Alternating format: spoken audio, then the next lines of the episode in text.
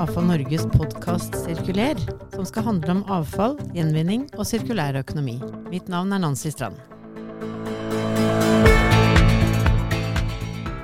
Gjester i dag er eh, Anja Ronesen og Bjørn Arild Thon fra Renas. Og vi skal straks um, komme tilbake til hva Renas er. Men um, hjertelig velkommen til dere. Tusen takk. Tusen takk. Så Anja, du er eh, markeds- og kommunikasjonssjef i, i Renas. Og med lang bakgrunn fra elektrobransjen, har jeg skjønt? Ja, jeg eh, har brukt min markedsføring i elektrobransjen eh, opp igjennom. Eh, automasjon og elektro i og for seg. Um, og komme på en måte tilbake da til eh, Kall det kanskje endestasjonen for de produktene som jeg jobba mye med før, i, i nå EE Gjenvinning i Renas. Det, det, gjør at jeg treffer mange kjente, gamle kjente i, i bransjen. Så det er gøy. Ja. Mange sirkler som, som sluttes. Absolutt, på mange måter. ja. Så Bjørn Arild Thon, du er administrerende direktør. og det har du, Hvor mange år har du vært i Renas nå? Det er overkant av sju. Ja, Og du kom fra gjenvinningsbransjen. Det stemmer. Ja, det, Det begynte jeg i Veolia i sin tid, i 2004. ja. Ja. Begynte å liksom få noen eh, Hadde noen år eh, med god kjennskap til, eh, til bransjen før, før du kom inn i denne rollen. Ja. Men altså til glede for, for nye, nye lyttere, får vi si, kan ikke dere forklare eh, kort liksom, hva er Renas, og, og hvordan fungerer eh, det systemet dere er en del av? Ja, Renas er et produsentansvarsselskap, eller et returselskap, som ivaretar produsentansvarsordningen for eh, EE, altså elektro og elektriske produkter, i Norge. Og eh, vi ble stifta tilbake i 1997, eh, i den spede begynnelsen, eh, og er eid av Norsk Industri og Elektroforeningen. Og eh, har drevet med det operativ virksomhet å samle inn og behandle E-avfall da siden 1999. Og det har vi, ja, den tida så har vi ja, ca. 1,1 millioner tonn E-avfall har vi samla inn på den tida, da. Mhm, ja. Så Anja, du, hvor lenge har du vært i Renås nå? Siden 2016. Ja. Så det begynner å bli en liten stund, det også. Ja, det gjør faktisk det. Ja. Så, så um, hvordan, hvordan har det, hvordan har de fem årene vært, syns du? Er det stor forskjell på, på denne bransjen uh, før og nå? Det er jo en bransje jeg har fått øynene opp for mens jeg har vært her, for å si det sånn. Det er noe man kanskje ikke tenker så mye på i det daglige, det vi driver med. Eh, og man er jo veldig opptatt av det å selge produkter og få dem ut på markedet og, og, og sånn i, i veldig mange andre bransjer. Her dreier det seg jo om å se det litt større bildet. Um, så jeg føler jo på mange måter at jeg har kommet litt hjem da, i en jobb jeg virkelig kan, eh, kan eh, gjøre en liten forskjell for verden i. Og Ja. det er jo veldig tilfredsstillende. Ja, ja. Men hva, eh, hvis dere, nå skal dere få lov til å skryte litt. Altså, hva, hva syns dere er Hva er liksom det beste med, med den uh, produsentansvarsordningen som, som dere er en del av? Nå bruker vi EE, for nå er det forklart. Elektriske og elektroniske artikler. Så da har vi plassert den. Så hva, liksom, hva er det dere syns dere virkelig får, får til aller best? Først til deg, Bjørn Arild. Ja, altså Vi samler inn, og altså, vi er garantisten for at eh, det EA-fallet som oppstår, og som vi samler, samler inn og håndterer, det blir håndtert riktig. Vi blir miljøsanert, først og fremst. Så vi tar ut det som er farlig. Og så blir det gjenvunnet på best mulig måte av det som er tilgjengelige løsninger i dag. da. Så av alle typer produkter som det går strøm i på en eller annen måte. Mm. Enten det er en Donald-leke som blinker, eller om det er en heisekran fra en bygningsplass. altså. Mm, mm. Men eh, eh, Anja, det, altså, dere har måte to veldig viktige roller. da. Eh, det ene er det med, med å gjenvinne mest mulig av produktene som, som eh, skal avhendes. Men det andre er jo å fjerne eh, miljøgifter og miljøsanere, som Bjørn Jarl sier her. Så, så hvordan er liksom balansen mellom de to oppgavene? Eh, Det med miljøsanering er jo veldig konkret, det er veldig strengt regulert. Så det er jo noe som eh, vi har ganske god kontroll på, vil jeg påstå. Eh, Det er veldig detaljert både i regelverket og hva vi skal ta ut, og hvordan vi skal gjøre det. Og hvordan det skal behandles, og, og sørge for at det ikke kommer inn i kretsløpet igjen. Så det er veldig konkret. Og så er det jo på gjenvinningssiden man kan oppnå nye ting og, og, og gjøre kanskje en enda større forskjell. Det blir jo også mindre og mindre miljøgifter i disse produktene. Eh, Det er jo de gamle produktene som hadde de verste eh, tilfellene holdt jeg på å si, av kvikksølv og, og bly og andre ting som nå mer eller mindre er forbudt. Så, så det blir jo mye mindre av det i avfallsstrømmen. Um, og det gjør at man kan fokusere på bedre gjenvinning, eh, som kanskje er det som man vil fokusere mer på framover. Mm, ja, ikke sant. Og det, det mm, Altså eh, På disse årene her, som du sier, produktene har endret seg, og kanskje også produsentenes eh, holdninger til eh, å være en del av et retursystem, eller? Ja, Produktene har endra seg, det er helt klart. Eh, fra å inneholde store mengder metaller, også verdifulle metaller, men også farlige stoffer og miljøgifter som kvikksølv, PCB og andre ting. Så er det nå mer og mer plast. Det er mindre metaller, altså billigere lagd, eh, veier mindre, men også mindre miljøgifter. I hvert fall de vi kjenner i dag. Og så kommer det jo stadig vekk eh, nye ting som vi ikke veit om i dag er farlige, da. Mm. Det skjer også. Ja. Så, så da må man hele tida følge med. Så, og produsentenes forhold til dette her, det er vel eh, Noen har veldig bevisst forhold til det og tar det veldig alvorlig, mens andre er ikke så veldig opptatt av det. Og det er jo ikke kjernevirksomhet heller, så det, da stoler de på at vi gjør jobben for dem. Ja. Og vi er garantisten for det, at vi sørger for at dette blir gjort ordentlig. Ja. Hvis de er medlem hos oss. Så, men dere jobber jo da Altså de som er Kaller dere da de Er de medlemmer, eller er de kunder, eller hvordan, hva kaller dere dem nå? De er jo teknisk sett medlemmer, men vi kaller dem vel, vi behandler dem som kunder, kanskje. Ja, det, ja, ja, det er et godt utgangspunkt. Ja, ikke sant. Så da, men da fortsetter jeg å kalle dere medlemmer, fordi ja. eh, de deres medlemmer er primært importørene, da, eller? Ja, og en håndfull produsenter. Det er jo ikke så mye norsk produksjon, men Nei. det fins jo. Særlig på kabel og, og, og noe annen elektronikk. Men det er jo mest importørene. Den første profesjonelle eieren er jo de som må være medlem i et returselskap. Mm. Første eieren i landet. Mm. Mm. Mm. Så når, når øh, Jeg husker jo faktisk veldig godt øh, når vi begynte å diskutere sirkulær økonomi. Eh, For det er jo noen år siden det etter hvert nå som det begrepet ble lansert. Og da, Jeg kan til og med huske Bjørn Harald, at vi snakket om hva, skal det, hvordan skal vi, hvordan, hva vil dette her si? Eh, nettopp med tanke på at vi har liksom produsenter worldwide, og, og hvordan de legger opp sin produksjon. Eh, styres kanskje ikke av et returselskap eh, fra Norge. Så, så liksom, hvordan eh, eh, Men dere har, det skal vi si mer om nå. Men liksom, hvordan var det det begynte? Hvordan, hva, hva tenkte du? Eh, for da Rena sin rolle ble jo ganske kraftig videreutviklet uh, nå. Har vært kraftig videreutviklet de senere årene. Ja, vi, vi har jo gått fra å håndtere det som er eh, avfall og end of life, uh, og kun gjøre det på vegne av våre medlemmer. Og så ser vi at vi må knytte helheten sammen.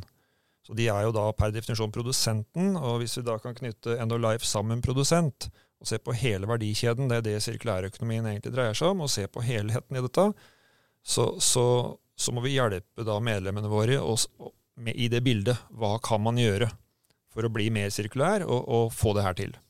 Mm. Så, så, for oss var det naturlig eh, den rolle vi sitter med, med beina litt planta i begge, begge leirer, både i produsentleddet og i avfallsleddet, da, for å si det sånn. Og, og da er det en naturlig knytning at det, ok, dette kan en rolle vi kan være ta og, og ha og hjelpe våre medlemmer i. Mm, mm, ja. Så et av initiativene som, som dere tok, det, dere var jo med å danne uh, in Norway, f.eks. Ja. Det var kanskje et ledd i denne, dette arbeidet her? Det var det. Og uh, det er for å, for å sette fokus på altså En ting er å jobbe med materialene, som vi gjør hele tida. Uh, og, og det har vi gjort lenge, alltid. Men, men det, er jo, det er jo tross alt forretningsmodellene man må se på. Altså I et produkts fotavtrykk så er det 80-20-regelen der også. 80% av fotavtrykket det settes i design- og, produksjonsfasen. Og så får vi det til slutt i, i avfallssida, og det er relativt liten andel vi kan gjøre noe med. Så, så, så for oss var det å få næringslivet i Norge til omstilling. I sirkulær omstilling. Og da er det ikke bare at vi skal gjenvinne mer, sortere mer. For det er ikke sirkulær økonomi. Det er en del av det, men det er eh, en liten del av det. Mm, ja. Viktig, viktig sådan, men den største delen ligger før vi får tak i produktene. Mm. Eh, Endelig har liksom dette med design for gjenvinning også fått en slags operativ betydning. Ja. Uh, vi har jo snakket om det som konsept i mange år. Um, men det var vel veldig mange som Da, altså da Circular Norway ble startet, og liksom arbeidet med sirkulærøkonomi i Norge i det hele tatt, så var det jo Jeg oppfattet at, eh, at eh, det var noen som var veldig opptatt av som du sier, at vi må begynne å tenke omstilling. Og for, I første omgang så er det litt abstrakt, men la oss liksom La oss begynne et sted. Vi tar det fra en kant. Mm. Mens andre var litt mer Ja, men vi må være konkrete og tenke vi skal bli bedre på gjenvinning. Og, og så, så har det vært en liten sånn spagat for dere? At eh, dere er så plantet i den dag-til-dag-operasjoner samtidig som skal være med å utvikle nye Jeg vil ikke si det eh, er en eh, spagat. Det har vært veldig nyttig å være med å, å, å drive de samtalene hvor folk har vært veldig famlende i starten. Hva i all verden er dette her? Hvor er vår plass i dette bildet? Hva kan vi gjøre i vår bedrift? Og det er jo det alle sliter med, egentlig. Å finne ut akkurat hva det er man skal gjøre selv. Men, eh, men det har jo vært en eh, ganske bratt læringskurve for alle innenfor feltet sirkulærøkonomi, vil jeg tro, i de siste årene. Det har gått veldig fra sånn frokostmøter med litt sånn fluffy overordna innhold, til at man nå, som Bjørnar sier, snakker om forretningsmodeller. Ja vel, hva betyr dette? Hva er, det, hva er det egentlig vi skal gjøre? Vi skal ta ned forbruket, vi skal designe produktene bedre. vi skal, ja. Og så ser man hva det betyr i egen bedrift. Mm, mm, ja, ikke sant. Så det var kanskje da også opptakten til uh, å, å, lage en norsk utgave av en sånn Circular Gap Report. Ja, det er det. Og altså, hvis det skal komme noe sted, så må vi også vite hvor vi står. Uh, og, og, det var jo litt av tanken bak når vi tok initiativet til det for uh, er det to år siden, eller ja, to-tre år siden nå. Ja. så vi kan godt snakke, men igjen, for å, å, å komme bort ifra det der, de der festtalene og den der litt fluffy språkbruken og det som blir sagt og gjort. Altså, så ok, la oss nå komme ned på bakken og se hvor står vi. Så vi i hvert fall har utgangspunkt. Så da kan vi finne ut hvor vi skal, i hvert fall. Mm. Så kan vi måle. For hvis vi ikke måler noe, så da veit man ikke hva som skjer. Så, så, vi må ha noen målepunkter, da. Og da har vi et tall som kom ut av den, så kan man si mye om det tallet. Og, og, men, men, Det ligger noen forhold til det, men 2,4 er jo tallet. Og, og neste gang det kommer en sånn, så kan vi se er det fortsatt 2,4, eller er det under, eller er det over. Det kan si om vi har gjort noe som faktisk gir, gir resultater. Da. Mm. Har det blitt bedre, eller har vi ikke gjort det? Mm. Og I ja. så fall hvorfor, og hva har vi gjort eller ikke gjort. Nettopp. Men, men, er det mulig å på, på litt sånn hva skal jeg si for noe, på litt sånn uh, kortversjonmaner forklare Når vi snakker om 40% gjenvinning, som vi også gjerne vil ha bedre Men altså vi, vi er liksom oppe i 40-tallet. og Hva er forskjellen på den prosenten og den 2,4 prosenten? Er det mulig å forklare med i korte Anja, du som jobber med kommunikasjon. Nå skulle vi hatt, uh, skulle vi hatt en Alexander her. Han ja, er veldig god på det. Ja, men, men uh, Gap-rapporten er jo altså gapet. Det er jo en materialstrømsanalyse som tar for seg alt som går inn i den norske økonomien. Uh, og det er veldig mye. vi importerer jo veldig mye. Um, og alt som vi bruker til, til infrastruktur og mat og, og, alt vi lager av, og bruker av produkter. Og, og, og, en liten del av det er jo ting som kommer inn i den uh, husholdningsavfallsstrømmen når du snakker om 40 um, Det er jo en bitte liten del av det. Og ut av det igjen så er det satt noen mål på 40% av, av uh, hvis du tenker på plastemballasjen, liksom. Så det blir en bitte liten del av det store bildet.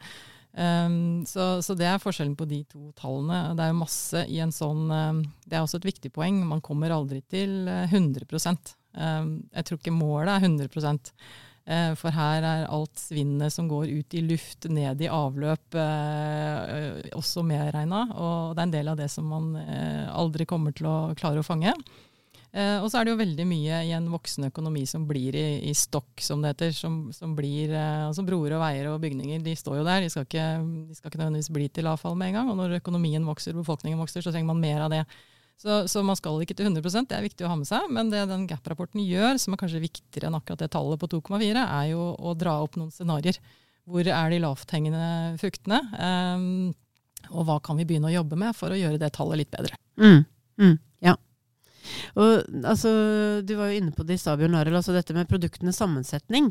For det, positive er at uh, det er vesentlig mindre miljøgifter nå. Det, vi erstatter det med andre, uh, andre stoffer. Men, men uh, samtidig kanskje mer krevende, da, med mer plast. Kanskje også da mer blandet plast, plast med tilsetningsstoffer osv. Så, videre. så Så hvordan jobber dere med tanke på å allikevel holde materialgjenvinningsgraden oppe? Det er jo hele tida å følge med. Vi bruker jo gjenvinningsmarkedet, altså operatørene, eh, de store kjente og, og også mindre, som har det, altså best available technology. Det er det vi går på ikke sant, hele tida. Er vi med og, og, pådriver og pusher der det er nye løsninger, eller mulighet for nye løsninger. Så er vi med og påvirker det, at man kan ta i bruk og teste ut nye ting. Men så må vi si at det, altså gjenvinningsteknologien sånn som den er i dag, så har vi kommet veldig langt. Vi, vi gjenvinner veldig mye. Og, og, og, og på EE-sida også, jeg tror vi er på jeg husker ikke materialprosenten nå totalt i Norge, men vi er vel på godt og vel 80 eh, på året som blir materialgjenvunnet. Og, og, det er ganske bra. Ikke sant? Så, så til tross for det, at det er veldig mye plast og kompositter og komplekse altså Det er en av de mest komplekse avfallsstrømmene vi har, er jo EE. Ikke sant? Mm. Uh, men det er samtidig en av de strømmene som kanskje har mest potensial for å ta ut materialer. Uh, og for ikke å snakke om det som vi ikke har hatt så mye fokus på. Altså, vi har jo jern og aluminium og kobber og de kjente gull og sølv og litt sånn småtterier. Det gjør vi, og det er vi ganske gode på. Men vi er jo ikke gode på alt det andre resten av det periodiske system som vi putter inn i produktene våre, som vi er helt avhengig av. da. Uh, disse sjeldne jordartene man snakker om hele tida, også andre sånne kall det spormetaller eller mineraler. Der har vi en kjempejobb å gjøre, men der er ikke teknologien og, og prosessene gode nok enda. Men det jobber vi med for å være en pådriver for å få inn ny teknologi, nye løsninger, og, og drive markedet. Mm, mm. Men det er en av de, en av de et, et, av de prosjektene Um, og det ble jo presentert på et uh, webinar i Avfallsforsk i, i, i november, hvor, uh, hvor, dere har satt i gang en studie for å se på hva er det som skal til. da. Ja. Um, den, hva, kan ikke du si litt mer om den studien som dere har satt i gang, Anja? Eh, ja, Utgangspunktet for den er jo eh, egentlig EUs kritisk liste. EU lager seg en liste over materialer som er viktige for den europeiske økonomien. Um, disse materialene trenger vi for å, for å Eh, for at det skal gå rundt, holdt jeg på å si, i, eh, i, eh, den europeiske økonomien. Og, og, og, da er det en liste som, som, rangeres på kritikalitet av disse materialene, om hvor vanskelig de er å få tak i, og hvor viktig de er for økonomien. Så de som havner på rødfeltet der, er jo, er jo flere stoffer, men der de sjeldne jordartene ligger helt øverst. Um, og det Samtidig ser man jo at det er materialer som ikke gjenvinnes i det hele tatt i dag. Overhodet ikke. Og så er det jo litt rart da at det ikke er andre regler rundt det som gjør at uh, det paradokset har blitt tatt tak i. Så, så vi har grubla litt på hvorfor, hvorfor, er det sånn, og så tenker vi at det kanskje det man trenger er at noen uh, drar opp noen muligheter. Uh, og det er det vel egentlig denne studien først skal gjøre. Um, vi har jo ganske god kontroll på avfallsstrømmen eh, vår. Hva slags type produkter eh, er det vi får inn, hva finnes der, og hva er de satt sammen av? Eh, og, og, og, koble det da med ny utvikling på gjenvinningsteknologi. Eh, og, og, også utfordre kanskje de vektmålene vi eh, opererer under til daglig. For det er jo ikke så vanskelig å nå gjenvinningsmål eh, f.eks. på 80% av et kjøleskap. Det, det, når vi helt fint eh, på materialgjenvinning av da fordi det er mest metaller som det er gode markeder for. Og, og, og det har vi gjort såpass lenge at det, det, fungerer eh, veldig bra. Men er det det vi egentlig trenger mest? Skulle vi hatt noe som dytta oss i retning av å gjenvinne noe annet som kanskje ikke er uh, umiddelbart lønnsomt på kort sikt, men som allikevel er veldig viktig for økonomien. Da. Så det er det vi skal se på litt framover nå. Dette er jo faktisk veldig spennende, fordi, fordi, som du sier, jeg tror det er veldig mange i avfallsbransjen, avfalls- og gjenvinningsbransjen kan vi jo si, at, uh, som sier at uh, kanskje det vektmålet ikke er det, er det beste målet, egentlig. så, så hva ville dere sagt? Liksom, hvordan kunne vi ha tenkt rundt uh, Hvordan kan vi på en måte drive fram da, en utvikling hvor nettopp disse, disse sjeldne uh, Nå må jeg bare stoppe meg selv. Altså, når vi kaller det jordarter, metaller, mineraler. Kan vi ha en bitte liten sånn grunnleksjon i kjemi her, eller? Altså, hva, altså, du snakket om det periodiske systemet her. ikke sant? Altså, hva slags, er det mulig å ta bare et eksempel? Vi vet jo at dette er stoffer som vi er helt avhengig av, f.eks. i mobiltelefoner, mm. uh, for å få touchskjermer osv. Eh, men de brukes i veldig veldig små mengder i hvert produkt. Det er, det er et av poengene. Ja, det er veldig veldig små mengder. Så, så i en sånn vektmålestokk så blir det meningsløst, fordi vi nesten ikke dukker opp. Um, men er jo tilsvarende viktig da, for å få en touchskjerm til å fungere, f.eks. De brukes mye i, i uh, høyteknologiske applikasjoner, i, uh, i medisinsk utstyr, forsvarsindustrien. Og Eh, i, eh, i, er jo sentrale også i eh, hvis du tar permanentmagnetene, i, i motorer i, det grønne skiftet når du snakker om energi da, og, og, fornybar energi. Mm, ja, ikke sant. Så, så vi snakker om, eh, om dette, dette er eh, stoffer med høy, eh, høy eh, Hva heter det? Høye tall i det produktske systemet. Uh, jeg kjenner at grunnkurset mitt i kjemi uh, for mange år siden ikke strekker til her. Men altså den, den, uh, den Hvis jeg har forstått det rett, så er det sånn at hvis du skal, skal, klare å hente det ut, så må du vite på forhånd hva du skal bruke det til. Ja. så det er en helt annen måte å tenke materialgjenvinning på enn hvis du f.eks. skal hente ut jern eller, og gull og sølv for den saks skyld. Ja, I disse små forekomstene så må du gjerne gjenvinne med en hensikt for hva det skal brukes til etterpå. Eh, optimalisere for en eh, bruk etterpå. Eh, er vel det korte ja. svaret. Kort, kortversjonen. Ja. Og det er det som gjør det så, så krevende og dyrt, egentlig. Ja, det vil jo, det vil jo være det. Ja. Mm, mm. Så, men det ene er den kritiske delen. Ikke sant? Hva er det kritisk for økonomien? Mm som Anja sier, det er ikke vektmessig sånn hvis du skal gjenvinne det i en mobiltelefon. altså De, de elementene og saker, så er det liksom det er så lite at det er ingen som gidder å gjøre det. Mm. For det gir ikke mening sånn i et, i et altså vekt-mengderegnskap sånn sett.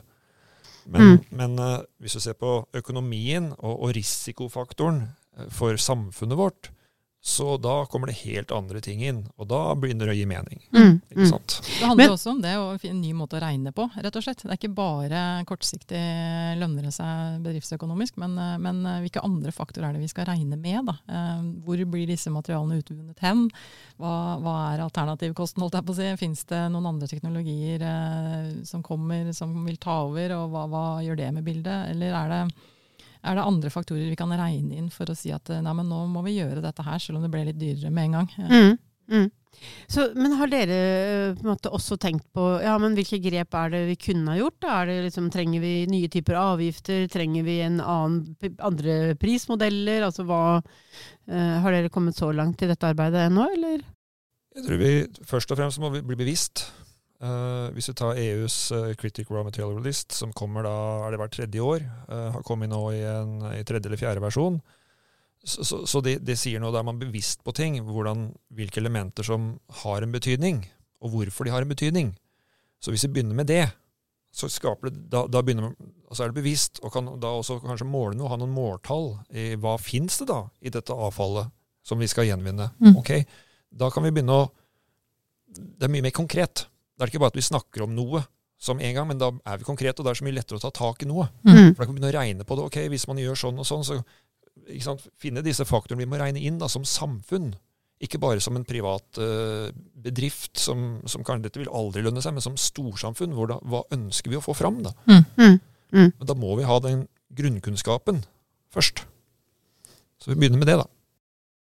Men deres rolle her nå som returselskap, er ikke dere liksom Dere er et godt stykke vil ikke si utafor, for det er det jo definitivt ikke. Det er jo særdeles innafor. Men altså, dere får en pådriverrolle her, som er, er kanskje mer enn den tradisjonelle returselskapsrollen, da?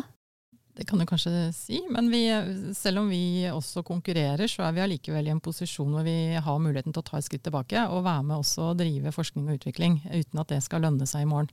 Um, vi har den uh, muligheten, um, og, føler vel også at vi har det ansvaret. Vi er en aktør som kan ta den rollen. Vi kan uh, sette sammen de riktige aktørene for å se på noen verdikjeder og se på den avfallsstrømmen og se på de mulighetene som ligger der. Og så følger vi jo også godt med selvfølgelig på lovverket som vi eh, opererer under, og, og, og observerer jo at uh, mange mener at vi må gjøre noe med produsentansvaret. Og, og, da har vi også tenkt med oss selv ja vel, hva betyr det da? Er det noe vi kan eh, mene om hva vi kan brukes til? For vi mener jo absolutt at, er, at vi er et verktøy i denne sammenhengen. At vi kan utover det å gjenvinne 80 av kjøleskap, da, så kan det også stilles noen krav til oss som gjør at vi kan hjelpe verden framover på dette området her. rett og slett. Ja. Så dere vil at det skal stilles uh, andre uh, nye krav til, til dere som representant i en produsentansvarsordning? Det ville vært veldig relevant, eh, rett og slett. Og det, og det, kan man gjøre. Um, og nå får vi jo også tydelige signaler fra, fra, EU. Senest forrige uke, som da blir i slutten av november, uh, så kom det en uttalelse fra Europaparlamentet om at nå skal Europa bli selvforsynt. Uh, nå er det bærekraftig utvinning i Europa og avfallsgjenvinning som gjelder for å kunne bli selvforsynt på de kritiske materialene. Og det er jo dette et ledd i. Mm, ja. Så da har dere meldt tilbake igjen til Miljødirektoratet eh, hva slags krav dere syns skal stilles til dere i neste runde, eller? Vi tar dette opp eh, både politisk eh, og i direktorat, ja. Mm. Så det vi, har vi gjort lenge, egentlig. Ja, ja. så kan, har det Dere har jo vært inne på noe nå, men går det an å være enda litt mer konkret på liksom, hva, hva, hva, mener dere kunne vært endret? Hva slags type krav og mål er det dere egentlig ønsker dere? Ja, vi, har jo, vi, har jo, krav nå som går på prosentandeler av produktgrupper. Det, det er jo ikke knytta til behov for materialer i det hele tatt. Eh, så det er jo den første, den første, mm, stedet hvor man kunne blitt mer målretta. Eh, som populært sier, gjenvinner vi for å løse et problem, eller gjenvinner vi for å oppnå et mål? Eh, og, og, vi vil jo veldig gjerne oppnå noen eh, mål som har noe betydning for, for eh, økonomien både i Norge og Europa eh, framover. Mm. Mm, ja, altså dere har jo nå egentlig eh, gitt uttrykk for at eh, kanskje den problemdelen altså Det er fortsatt en viktig oppgave å ta ut miljøgiften av kretsløpet, men den problemdelen blir mindre og mindre viktig ettersom eh, produktene endrer seg og man blir mer bevisst i designprosessen. Ja, så har vi løst det ganske bra. Så det, det, er, ikke, det er, ikke, så vanskelig lenger. Eh, vi har gode løsninger for det, gode systemer for det, og, og, og gjør jo det eh, ganske greit i dag. Det, nå er det andre ting vi kan strekke oss etter. Det er blitt rutine, det. det har jo det. Ja, har jo det. ja nettopp. Så, det, så, dere vil ha tøffere krav og mål, dere? Mm. Absolutt. Ja, Rett og slett. Mm, mm. Men dere, har jo også, dere er med i Avfallsforsk, og du sitter jo i styret, Anja. Og, ja. og dere er en del av REDU-programmet med å få, å, få nye studenter og kloke hoder inn i bransjen, som vi sier. Så hva, liksom, hva tenker dere er framtida? Hvordan har dere lyst til at dette skal se ut uh, um, framover? Eh, det er jo den måten vi får inn nye impulser og, og ting vi ikke vet fra før. Det er bl.a. gjennom disse studentene, som du sier, og, og, og også um, å få en ekstra kapasitet til å gjøre sånne prosjekter. Vi er jo en liten administrasjon eh, som fort blir eh, sugd opp i daglig gjøremål. Og det å kunne sette i gang eh, prosjekter med studenter eller eksterne for å gå inn i både fagfelt vi ikke er helt hjemme i selv, ingen av oss er kjemikere, eh, og og også eh, trekke inn flere miljøer. Eh, det, det, er jo måten vi kan komme fram til disse nye løsningene på, som vi ikke finner ut av på møterommet vårt sjøl inne, inne, på jobben. Mm, ja. Hva, hva, hva, tenker du om framtida, Bjørn Arild? Du tror du får siste ordet her her i dag? ja, nei, jeg, jeg, er helt enig i det Anja sier, og, og vi er med å pådrive her. Men, men jeg tror sånn, hvis vi ser på gjenvinningsbransjen, hvis, hvis vi tar den hatten, så, så, tror jeg gjenvinningsbransjen har en, en utfordring. Uh, som mener man er veldig En ting er å stå på festtalene på årskonferansen og snakke om de flotte målene og sånn og sånn, og så er det pause, og så går man og snakker sammen, og så er det yes, det er kjempeår. Vi har aldri hatt så mye volum. Så ikke sånn som akkurat ti minutter før snakka om at man skal redusere avfallsvolumet, for det er det alle jobber mot, eller for. Så, så jeg tror bransjen må gå i seg sjøl. Og så har jeg mye mer tro på den skreddersømmen med å finne bedriften og finne løsninger. Det er ikke På sikt så må, så må bransjen finne skreddersømmene i større grad. Da. På, på gjenvinningssida. Det, det er min uh, ja, take på framtida, tror jeg, da. Mm. Mm. mm. Skal, vi, skal, vi, løse noe og komme videre, så er vi nødt for det. Mm. Og det har man gjort. Man har gode eksempler på det i Norge og, og mange steder, men vi må bli enda flinkere på det. Mm. mm. Så det er min utfordring til gjenvinningsbransjen. Ja, veldig, veldig. Da skjønner jeg at vi nå egentlig skal, vi skal redefinere målene i, i i det som går på innsamling og gjenvinning, og vi skal Vi trenger egentlig å endre bransjen eh, til en, en, Hvis vi skal klare å hente ut disse ressursene, så må vi operere på uh, andre måter. Ja, helt klart. Og, og så, som alle, vi skal jo forbruke mindre, og produktene skal vare lenger. Vi skal reparere mer. Altså Per definisjon da, så blir det mindre avfall. Og hvis det avfallet i tillegg skal komme enda enklere og bedre tilbake i produ nye produkter igjen, så, så, så, må vi gjøre det. Så Da må bransjen se i seg sjøl. Er dette sånn vi er om 10-15-20 år? Det blir definitivt en, en, spennende utvikling å følge. og Så skal vi se om vi klarer å få opp den, den prosenten på Gap Report, og at vi klarer å hente ut disse kritiske eh, materialene som vi trenger. Komme tilbake og fortelle om det. Ja, Ja. ikke sant. Hjertelig velkommen skal dere, skal dere være til neste eh, episode i, eh, i denne føljetongen, for det blir det. Da sier jeg tusen takk, jeg, Anja og Bjørn Arild, for at eh, dere kom til podkasten i dag. Sjøl takk. Takk for oss. Da gjenstår det bare å takke for i dag. Takk for at du har lyttet til AFA Norges podkast. Takk til vår produsent Håkon Bratland. Har du innspill, send det gjerne til sirkuler at afanorge.no. Ha det bra!